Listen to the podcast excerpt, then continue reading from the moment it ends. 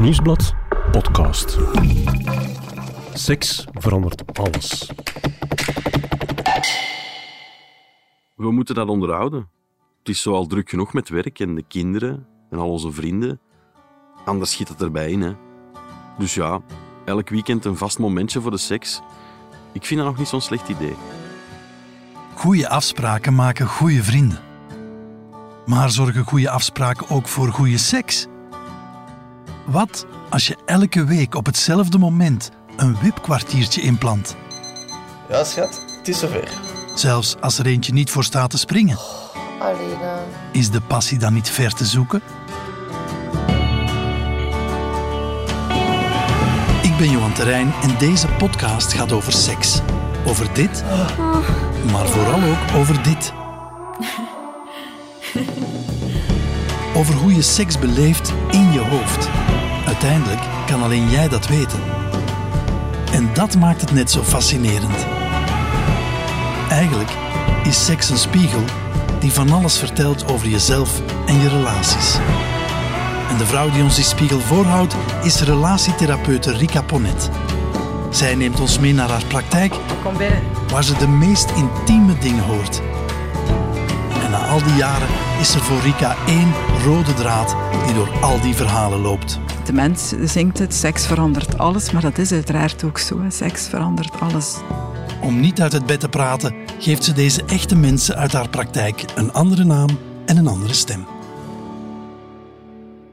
Rika, toen ik jouw notas over dit verhaal las, ter voorbereiding van deze aflevering, dacht ik, dit is wellicht een klassieker in jouw praktijk. Sleur in de seks. Ja, al melden mensen zich nooit aan met de vraag, ik krijg dat zo ook al eens van journalisten, hoe kan je seksleven spannender maken? Ik heb nog nooit een koppel in de 30 jaar dat ik praktijk voor gehad dat langskwam en zei, we hebben een probleem, we willen spannende seks. Onze seks is saai. Ah ja. Maar ja, je kan dat wel als samenvatting hanteren, denk ik. Als ehm, mensen zich aanmelden, heel vaak is het de ene heeft er meer zin in dan de andere. En beiden ervaren het inderdaad als sleur. Hè. Dat is waar je dan uiteindelijk op uitkomt. Maar het probleem is altijd, er is één die iets anders wil dan wat de andere wil in die seksualiteit. Elke zaterdagavond, nadat hij zijn wekelijkse bad heeft genomen, gaat Hannes met grote verwachtingen naar beneden. Want hij weet, het zal gebeuren. De kinderen zijn bij de grootouders, de kust is vrij, het huis is van hen. Het is een afspraak tussen Lisbeth en Hannes, prille dertigers met kinderen van vijf en twee jaar. Hij heeft nog heel vaak zin, zij eigenlijk een pak minder. Maar om frustraties te vermijden, hebben ze die zaterdag dus aangekruist in de agenda.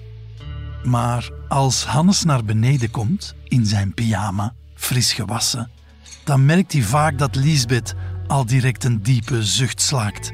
Ze heeft er vaak geen zin in en doet het enkel om de afspraak na te komen. Maar dat zorgt niet voor de stomende seks waar Hannes van droomt. Dus Hannes en Lisbeth komen bij jou in de praktijk samen. Ja, zij komen samen. En wat was de reden dat ze zich aanmelden?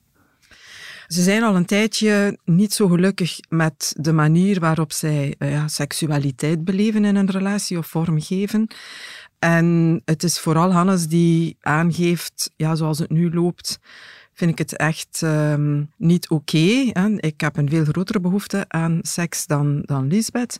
En zij geeft aan, eh, zij problematiseert eigenlijk zijn manier van met seks om te gaan. Zij vindt dat hij eigenlijk oversext is. Het is dat- een maniak. ja, het is een maniak. En dat, ja, dat is zo inderdaad de padstelling. Als mensen zich aanmelden en de ene wil meer seks dan de andere, dan gaan mensen gewoon elkaars seksualiteit of het verschil in seksualiteit een stukje gaan problematiseren. Hè. Jij hebt eigenlijk een probleem eh, je- en dan ja, komen alle klassieke woorden.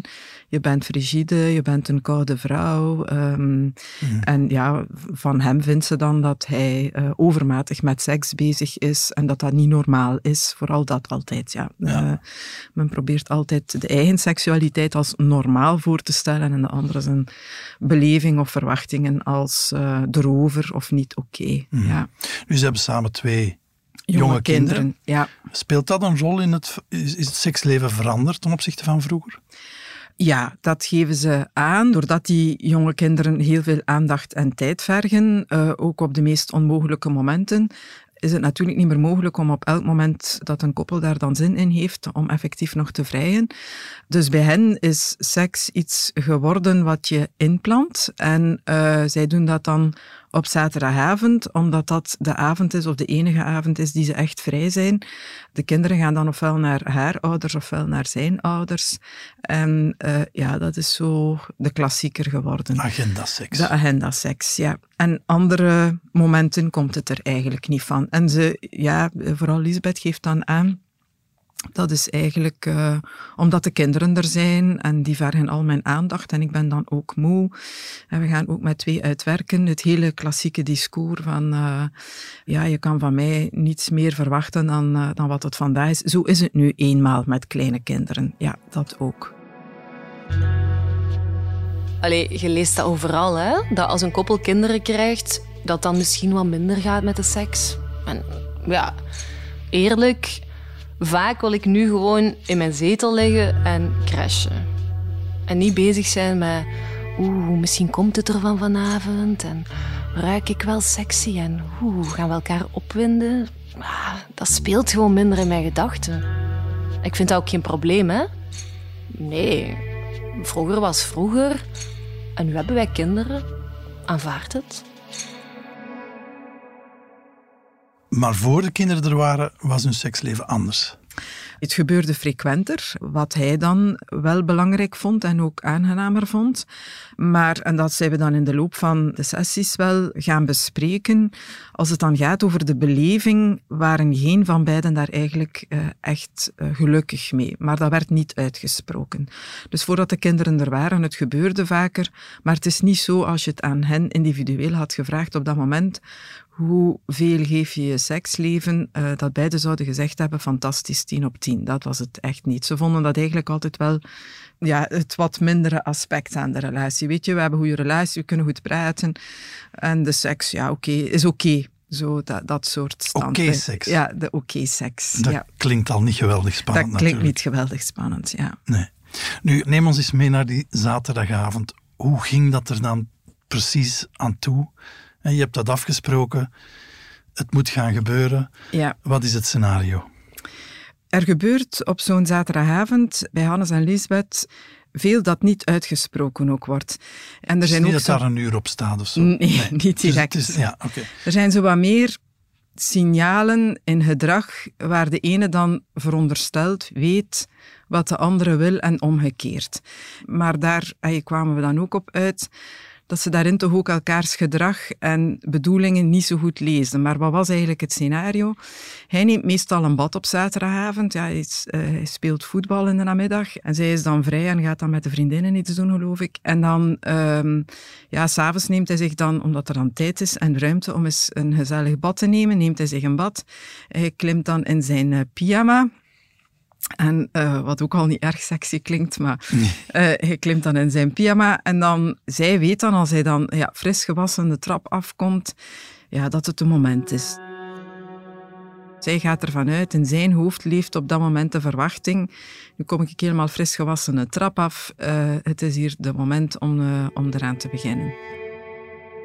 Zij zit dan meestal beneden in de zetel wat tv te kijken. En ofwel gebeurt het dan daar, hè, in de fauteuil, ja. ofwel gaan ze uh, effectief dan naar boven en hebben ze die avond dan seks. In haar hoofd, uh, als hij die trap afkomt, ja, zit er zo'n scenario van, oké, okay, ja. Het is weer zover. Het is weer zover. Ja, dat uh, had en zij bij hem is, aan. is het van, we mogen weer? Ja, maar het zal geen zin hebben. Maar bon, ja, als het uh, nu niet gebeurt, dan gebeurt het niet. En ja. Ja, zijn verlangen is dan zo groot dat hij, ook al voelt hij daarin weerstand, of heeft hij niet direct het gevoel dat zij staat te springen om, uh, om eraan te beginnen. Uh, hij gaat dan toch gaat over hij tot daar, actie. Ja, ja absoluut. Ja. Gaat hij daar toch op door. Dus hij neemt dan ook daar het initiatief. Ja. ja. En haar weerstand is daar voor hem, dat houdt hem niet tegen.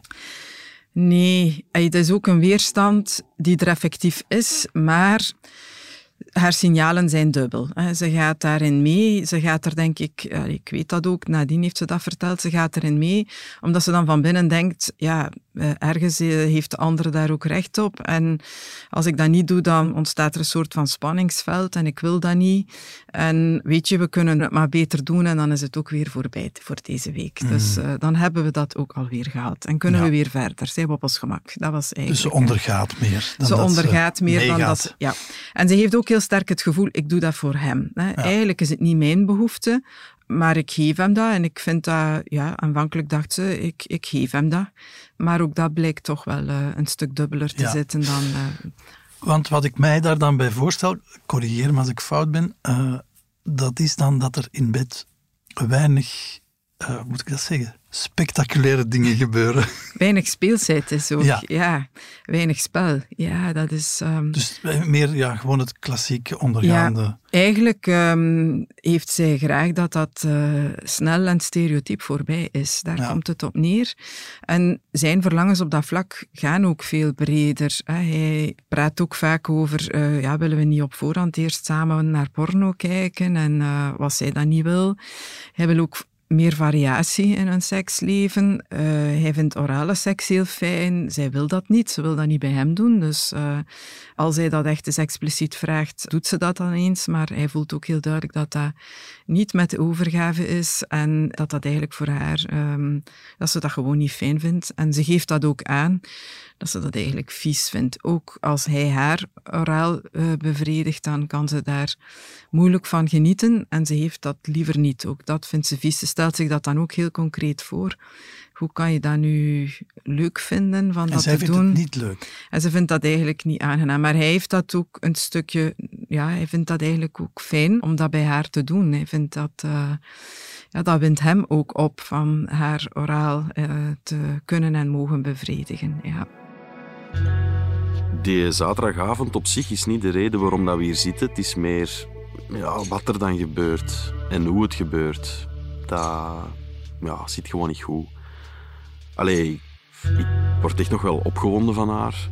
Niet bij het idee van elke week een snelle missionaris en, en klaar. Nee, ik wil ook wel eens iets anders doen. Wat kinky dingen. Zoals, ja, samen porno kijken. Waarom niet? En ja, ehm, orale seks, daar verlang ik ook echt wel naar. Eh, niet alleen om het te krijgen, maar ook om het aan Lies te geven.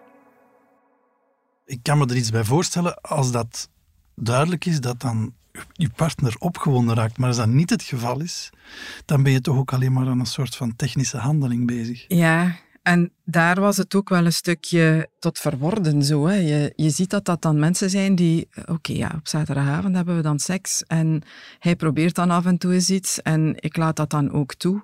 Nu, in haar geval ook, een lichaam reageert wel hè, als hij haar oraal stimuleert. Wil dat niet zeggen dat er totaal niets gebeurt. Het gaat erover, ja, hoe beleeft zij dat? En, ehm, en dat voelt hij wel. Hè. Het is niet dat hij niets merkt hè, of dat zij niet opgewonden geraakt, maar genieten is nog iets anders dan opgewonden geraken. Hè. Dus zij geniet daar niet van en dat spreekt ook uit haar lichaam en uit ja, haar gebrek aan enthousiasme op het moment dat hij die trap afkomt in zijn pyjama.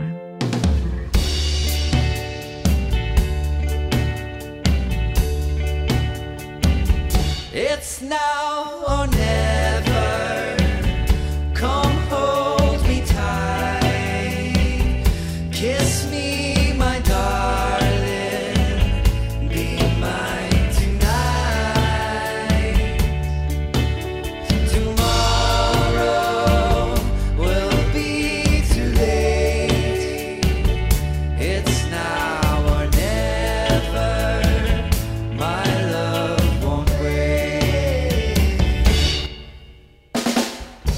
begrijp wel als je kinderen hebt dat je dat wat meer zult moeten plannen, maar er is wel niks sexy aan. Ik kan het niet sexy vinden. Oef, en dan elke zaterdag om 9 uur. Ik zou een grotere marge willen nemen dan. Wij hebben de kinderen een deel van de week en een deel van de week niet. En ehm, wij mogen van de oudste dochter ook expliciet zeker geen seks hebben als zij in huis zijn. Dus ja, wij luisteren daar natuurlijk naar. Eh, wij werken ook nog met wisselende shifts. Waardoor er ook echt wel een luik is waarin het moet gebeuren.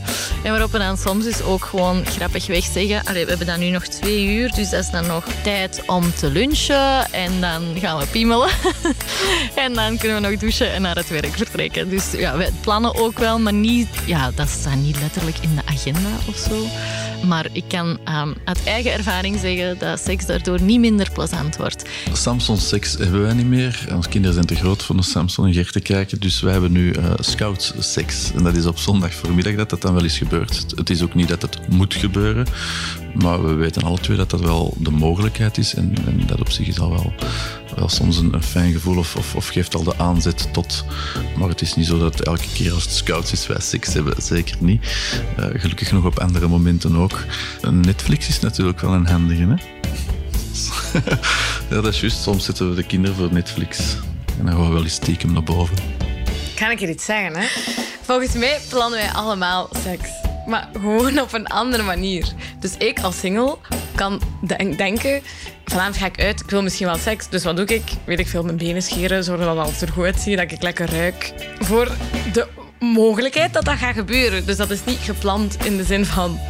Oké, tussen tien uur en kwart na tien heb ik seks. Maar wel met voorbedachte raden. Dit is mijn doel en dit is wat ik wil.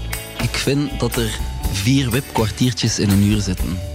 In die zin, een wipkwartiertje afspreken is nonsens gewoon. Als je zegt van wij gaan om dat uur afspreken elke zaterdag of elke zondag en dan gaan we het op een kwartier klaar krijgen. Ja, en een keer als je seks begint in te plannen, dan is net het leukste van die seks weg. En dat is die spontaniteit en die lust en die, dat, dat, dat spel van, van kriebels en van passie en van, van oh wauw. Dat sluipt erin. Dat is, de kinderen zijn klein. Eh, die moeten dan naar bed gaan. Je bent bezig de hele week. En dan is het de zaterdagavond. Ah ja, wat tv kijken, want je hebt kinderen, je kunt niet weg. Dat werd bijna zo'n soort routine. Dat dat zo bijna de zaterdagavond was. Dat het zo bijna een must was. Zo, hè. Ja, ik vond dat dus eigenlijk niet meer leuk op laatste. Soms moet je, moet je zo wat kleine domme dingen doen om, om iets weer leven in te blazen of zo. En ik denk dat je dan soms denkt, echt, wat zijn we aan het doen? Maar dat dat dan weer grappig is of zo. En dan, ja, ik, ik, ik ben wel fan van het wipkwartiertje. Ja. I spent a lifetime waiting for the right time. But now that you're near, the time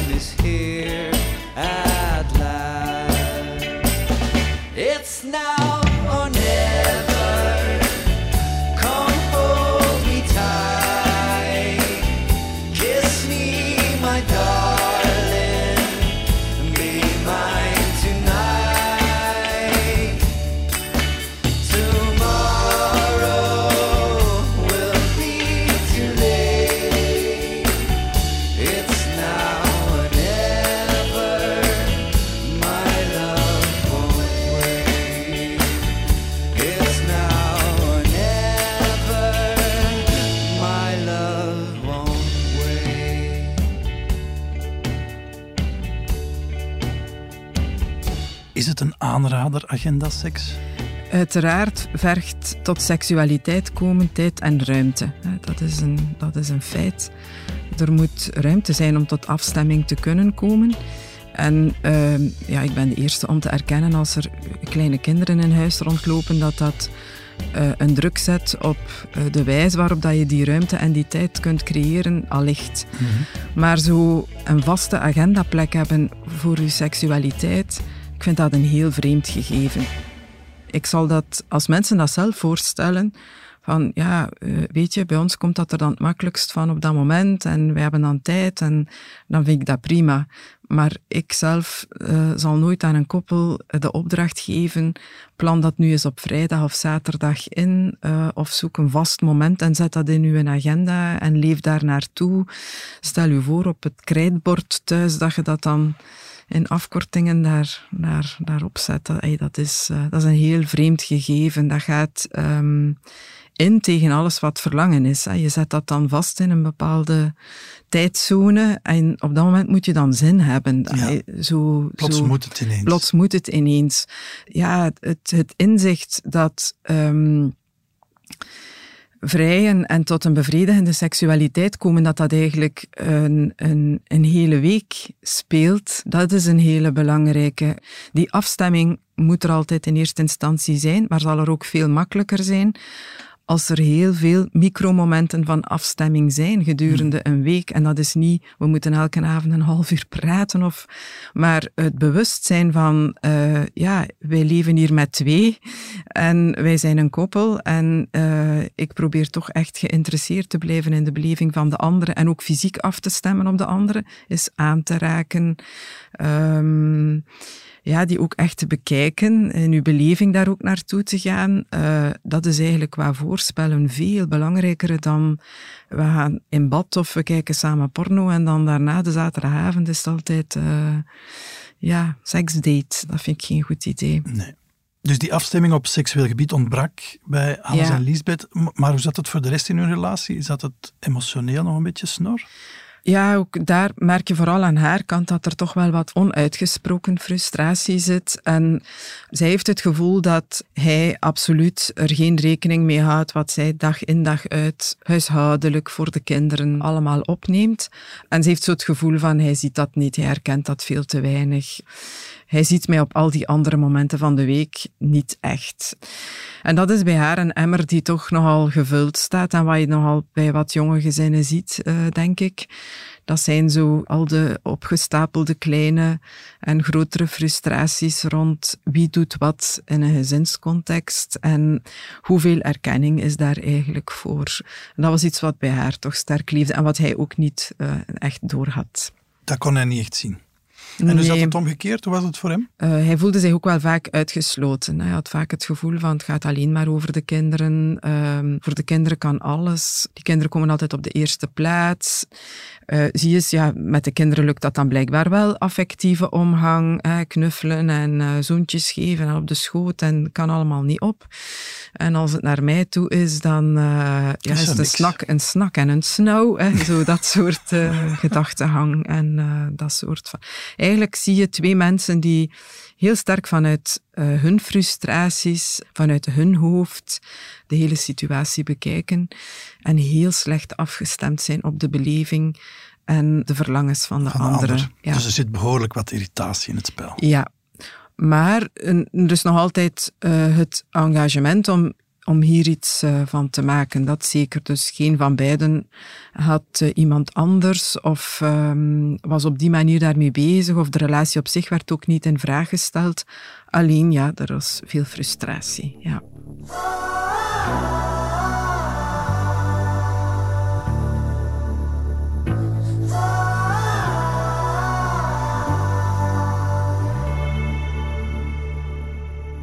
Oké, we zitten dus echt in een herkenbaar verhaal hè, van slechte seksuele afstemming op elkaar. Ja.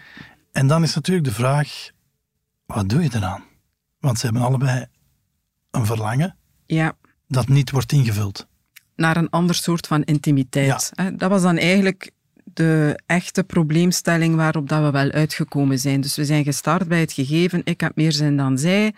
En hij is dan zo hè, de, de hete flikker en zij is de koude vrouw. Ja, dat zijn Eh, die stereotypen. die dan stereotypen. En uiteindelijk zagen ze wel in, na een eh, sessie of twee, drie, van ja, het gaat over intimiteit hè, en, en over hoe we elkaar beleven en over het gebrek aan afstemming in de totaliteit van wie we zijn en hoe we dagdagelijks leven. Ja. En omdat ik bij hen heel erg vaststelde dat die eh, heel veel eh, aan mindreading deden. Dus ik zit... eh, Veronderstellingen zo. Ja, veronderstellingen. Ik zit in mijn realiteit en hij zit in zijn realiteit. En eigenlijk werd er heel weinig van die realiteiten gedeeld of afgetoetst bij elkaar. Eh, heb ik met hen vrij uitgebreid een oefening rond het opbouwen of het versterken van de empathie in die relatie. En dat is een hele krachtige oefening, waarbij ja, ik aan een koppel vraag om eh, helemaal proberen in de beleving van de andere te gaan. Hoe, Ja, hoe als- doe je dat precies? dus stel je voor, en je neemt een hele concrete scène. Neem nu die zaterdagavondscène waarbij dat hij de trap afkomt en Ja. zij beneden in de zetel zit. Ga jij nu eens volledig, of probeer nu eens in zijn huid te kruipen. Hè? Jij komt van de voetbal. En hoe voel je je als je van die voetbal komt? En de kinderen zijn er niet, er is tijd, er is ruimte. Eh, hij gaat in bad, eh, hij doet zijn pyjama aan. Oké, dus ik ga dan in bad. Ik doe die losse pyjama aan. Ik heb zin in een gezellige avond. En dan zit daar iemand in de zetel die een zucht slaakt. Ja. Ja, dat kilt wel de moed, hè? Eh, Dus ik zit in de zetel nu. Ik ben niet gaan voetballen. Ik heb heel de namiddag op de kinderen gelet. Eh, het huis opgeruimd. De kinderen aan mijn schoonouders gedaan. Eh, ja, is ook niet echt spannend daar. Koffietje gedronken. Ja, en dan eh, zat een van de kinderen nog met een duim tussen de deur. Drama. Ja, ja. Dat snap ik wel. Als, als die verwachtingen heeft en, en die voelt zich goed en ik reageer dan zo, ja, dat is frustrerend. Dat kan ik me wel voorstellen of zo. En dan komt daar een Charles de trap af. Met een broek vol goesting. eh, allee, met de verwachting dat ik dan uit de kleren ga. Ja, ja ik snap het. Ja. En konden ze zich dat voorstellen? Ja, dat lukte wel. Ja, dat is stapsgewijs. Hè. Je, je doet daar wel wat over. Hè. Van, wat denk jij dat hij voelt als hij van bij zijn vrienden in de voetbal komt? Hè. En dan eh, toets je dat ook af bij de anderen.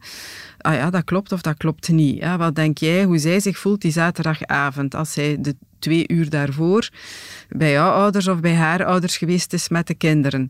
En dan zie je dat daar al heel snel dingen aan bod komen ja, die helemaal niet stroken met de inschatting die de andere daarvan maakt. Zij vindt dat bijvoorbeeld toch wel best een opdracht. De zaterdag altijd die kinderen naar een van die ouders doen.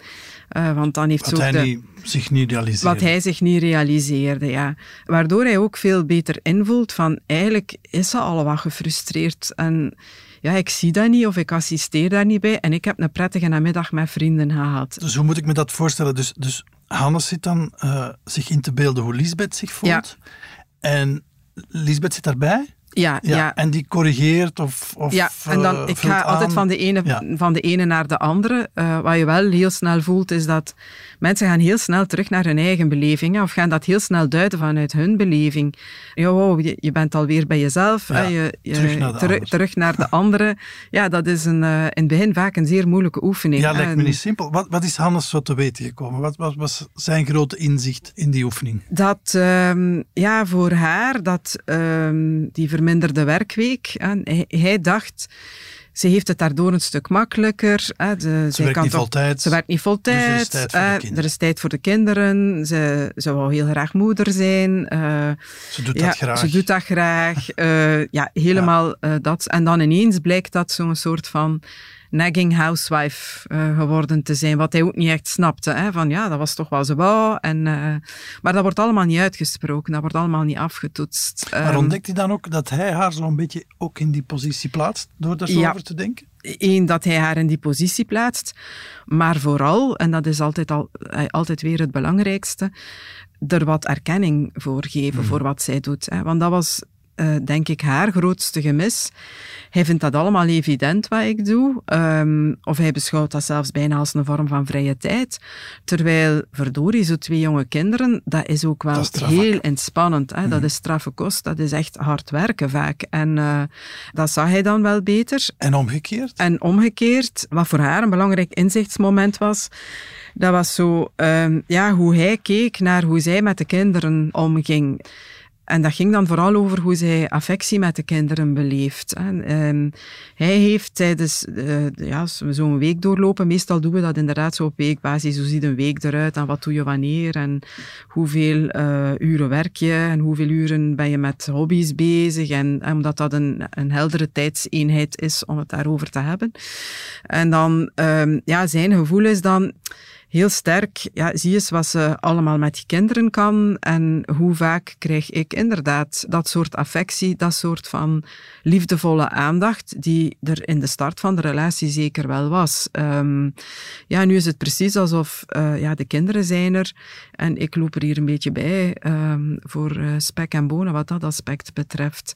Dus dat is ook iets wat Lisbeth bij zichzelf dan ontdekt van ik Ja. geef hem eigenlijk geen affectie. Ja, en door, door zijn ogen te kijken naar de wijze waarop zij met de kinderen omgaat, dat riep bij haar zelfs een vorm van, van jaloezie op. Zegt ze, als ik dat nu helemaal vanuit zijn standpunt probeer te bekijken, eh, vanuit zijn gevoel, mocht ik in zijn schoenen staan en En dat zo zien, eh, inderdaad, de hoeveelheid affectie en nabijheid en fysieke affectie die ik aan die kinderen geef, ik word er zelf bijna wat jaloers van. Dat was zo'n heel cruciaal inzichtspunt aan Ja, haar kant. En doet dat Ja. inzicht dan haar ook snappen?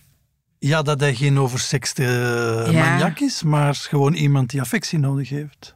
dat was dan de start uiteraard van, eh, of de, de basis van waaruit we dan ook naar de seksualiteit konden gaan. Hè. Zij van haar kant zit al met tal van frustraties en heeft dan het gevoel, ja, ik, ik ben al heel de week eh, half opgebrand en dan moet hij ook nog eens en ik krijg daar eigenlijk ook nul erkenning voor.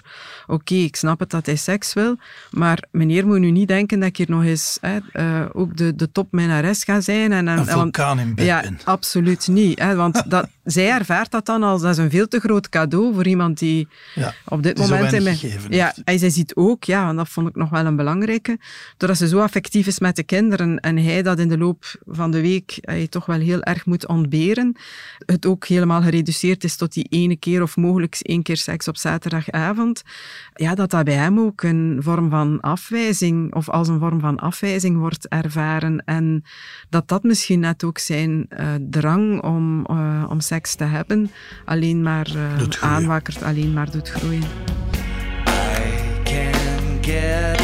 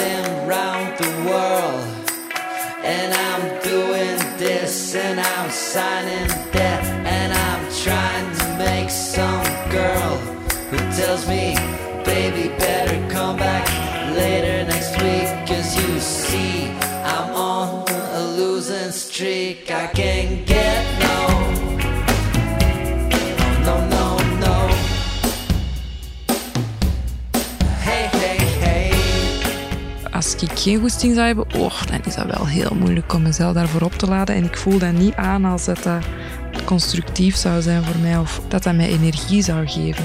Zou mij eigenlijk heel veel kosten. Ik zou het als niet kunnen. Eh, Zelfs potentie geweest zou ik het niet kunnen, denk ik. Ik denk dat er geen grotere afknapper is dan met iemand kussen of strelen of ehm, orale seks of echte seks te hebben. Eh, als die persoon daar niet 100 ten 100 zin in heeft en dat ook toont van ik wil u, eh, net of dat jij mij wilt. In mijn vorige relatie was ik de partner die eigenlijk niet zo vaak zin had. Ik denk dat ik daar de vonk gewoon niet voelde. Maar dan uiteindelijk kwam de goesting ook altijd wel. Want ik zag die ook wel heel graag. was een heel knappe jongen. Ehm, dus het was ook niet echt, echt een strijd of zo. Maar dat was wel een verschil. Eh, ik heb het wel nooit echt tegen mijn zin gedaan. Het duur- duurde gewoon langer voor de zin kwam. En dan vrij je niet altijd uit lust of uit onnoemelijke goesting, maar wel soms uit andere dingen, zoals liefde, intimiteit. Omdat je elkaar graag ziet, meer dan omdat je elkaar wil opvreten. En dat is ook mooi, vind ik. Wij kunnen eerlijk tegen elkaar echt zeggen van het zit er gewoon niet in, is, het is oké. Maar ja, wij, wij kunnen ook letterlijk aangeven van als de een goesting heeft en de ander niet, dan mag de een zeker masturberen, geen probleem. Wij hebben daar absoluut geen probleem mee, dat van doe maar. Dat is oké. Ik had ooit al een langdurig ding met iemand en die nam veel minder initiatief dan ik. Waardoor ik op den duur bij elke keer dat wij seks hadden ook dacht van, maar wilt jij dat wel? Want ik ben altijd degene die het aangeeft van ik heb hier zin in. En je gaat daar wel in mee, maar omdat het altijd maar van mij bleef komen, begint je op den duur gewoon te twijfelen en je denkt, ah ja, maar je doet dat misschien gewoon om mij te plezieren. Dat was niet zo. En gaandeweg ging dat gevoel ook wel weg. Maar je wordt daar zo onzeker van. Ook dat heb ik eh, moeten leren, dat er natuurlijk wel een, een verschil is tussen man en vrouw. En, en dus mijn vrouw hoeft maar eens eventjes per ongeluk eh, met haar hand eh, langs mijn voorgevel te vegen. En eh, voor mij mag het, het al gebeuren. Ja, omgekeerd, dan, ja, dat is gewoon niet het geval. Hè. Voor mij is geen seks hebben niet zo'n grote afwijzing. Het is meer een afwijzing als ze niet intiem willen zijn. Als ze geen knuffels geven of geen spontane Of, of zo seks hebben zonder enige intimiteit. Dat vind ik soms nog een hardere afwijzing dan geen seks hebben. Ik denk dat ik dat continu doe. Mij verplaatsen in het hoofd van die partner. Ik denk dat dat ook een goede... Allee, voor mij is dat een goede tactiek als mijn partner geen zin heeft in seks. Dat ik mij verplaats in zijn hoofd van hoe zou het kunnen komen. Ah, hij heeft een moeilijke dag op het werk gehad of hij is moe. Of... Dat is veel handiger dan het op mezelf steken. Hè. Maar ik heb ook geleerd dat ik niet te veel voor iemand anders mag denken. En het beter gewoon vraag hoe dat komt.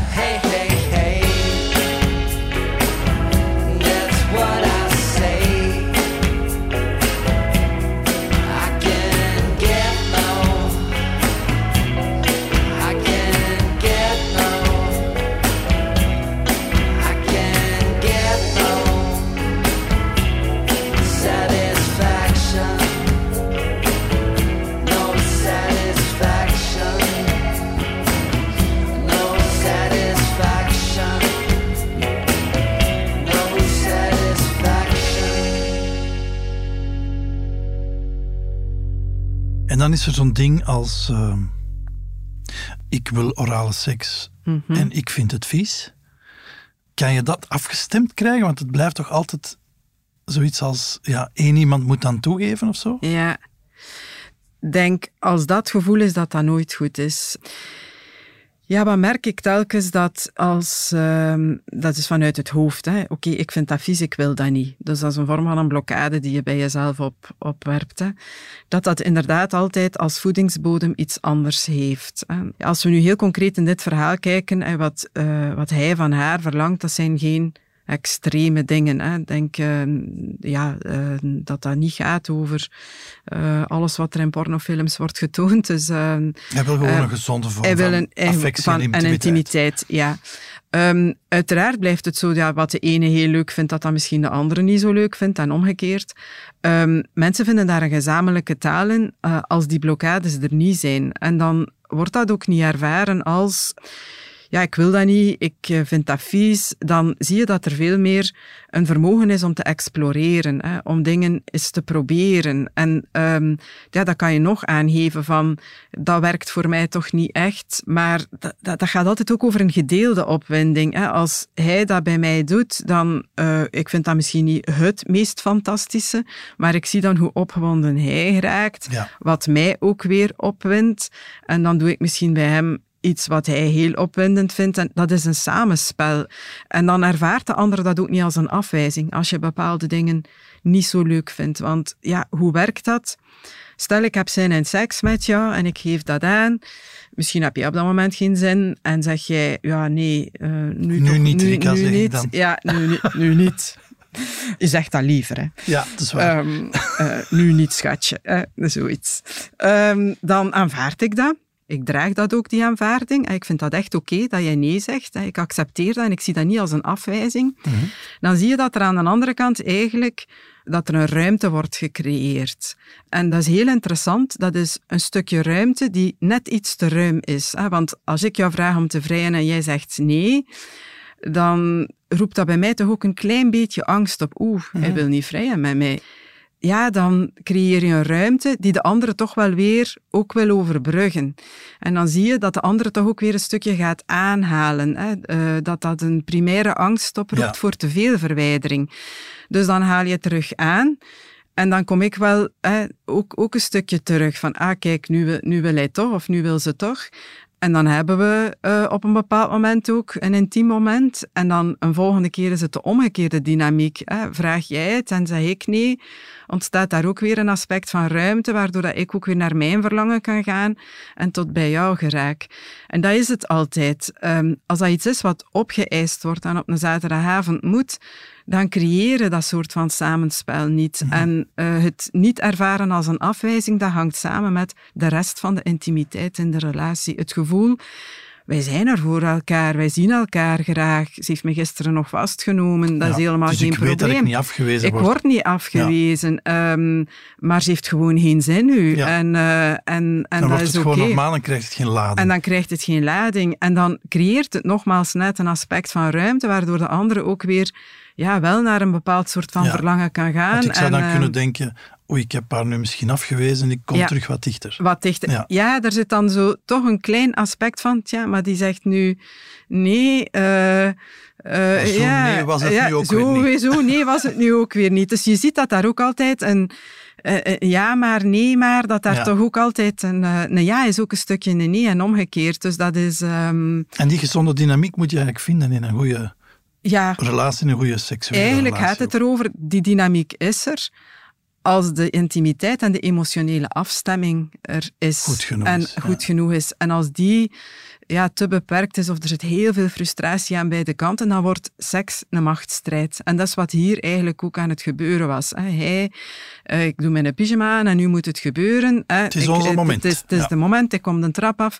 En zij van haar kant, oké, ik geef wel, ik ga daar wel in mee, maar ik hou een heel stuk van mijn beleving uit die seksualiteit. Ja. En ik Waardoor doe dat hij, niks wat vies is. En ik doe niks wat ik naar hem toe aangeef Ja. als zijnde vies, maar wat ze misschien in wezen ook niet zo vies vindt. Hè. Maar ze heeft hem dan wel heel het gevoel, je moogt een keer, maar het is onder mijn voorwaarden. Hè. Ik, ehm, eigenlijk, en dat had zij ook niet door, zij zette zichzelf ook heel vaak in een soort van slachtofferrol. Hè, van ik moet dat onderaan en zo. Tot ze doorgaat, eigenlijk ben ik niet het slachtoffer, maar ben ik de gatekeeper. Ik ben degene die in de relatie bepaalt tot waar de seksualiteit gaat. Ik ben en daardoor voelt hij zich ook zo onzeker. En dat is ook de reden waarom hij ja, veel vaker ook druk zet op onze seksualiteitsbeleving. Ja.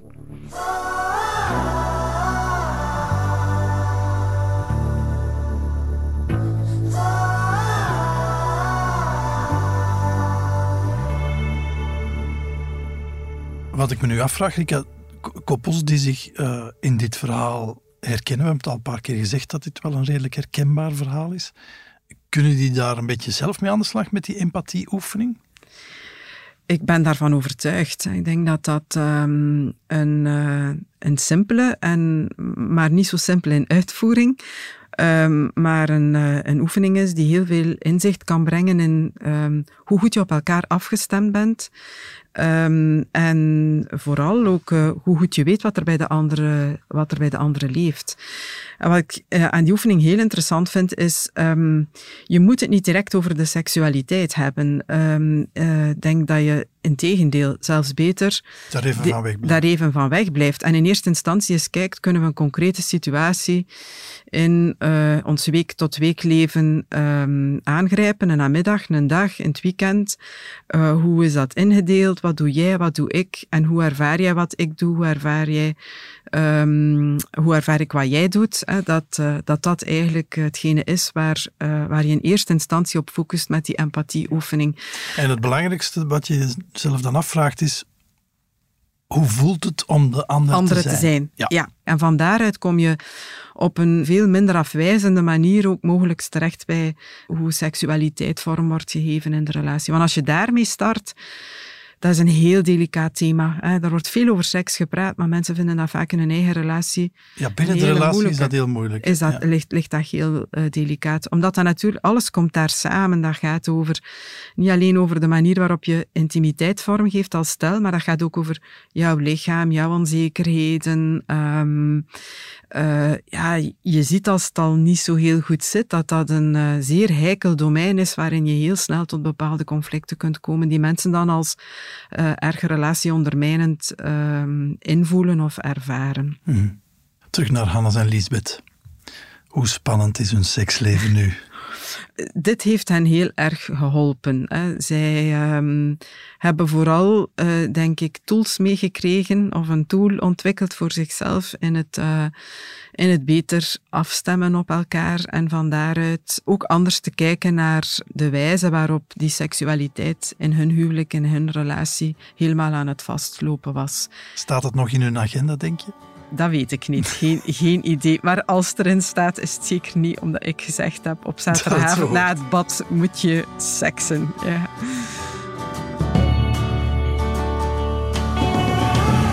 Dit was Seks verandert alles, een podcast van het Nieuwsblad. De stemmen waren van mezelf, Johan Terrein, en van relatietherapeute Rika Ponnet. De muziek kwam van Pieter Schrevens en de montage gebeurde door Benjamin Hertogs van House of Media. Dank ook aan de Love Voices voor het delen van hun persoonlijke liefdesverhalen. De productie was in handen van Kaatje de Koning, Joni Keimolen en Bert Heijvaart.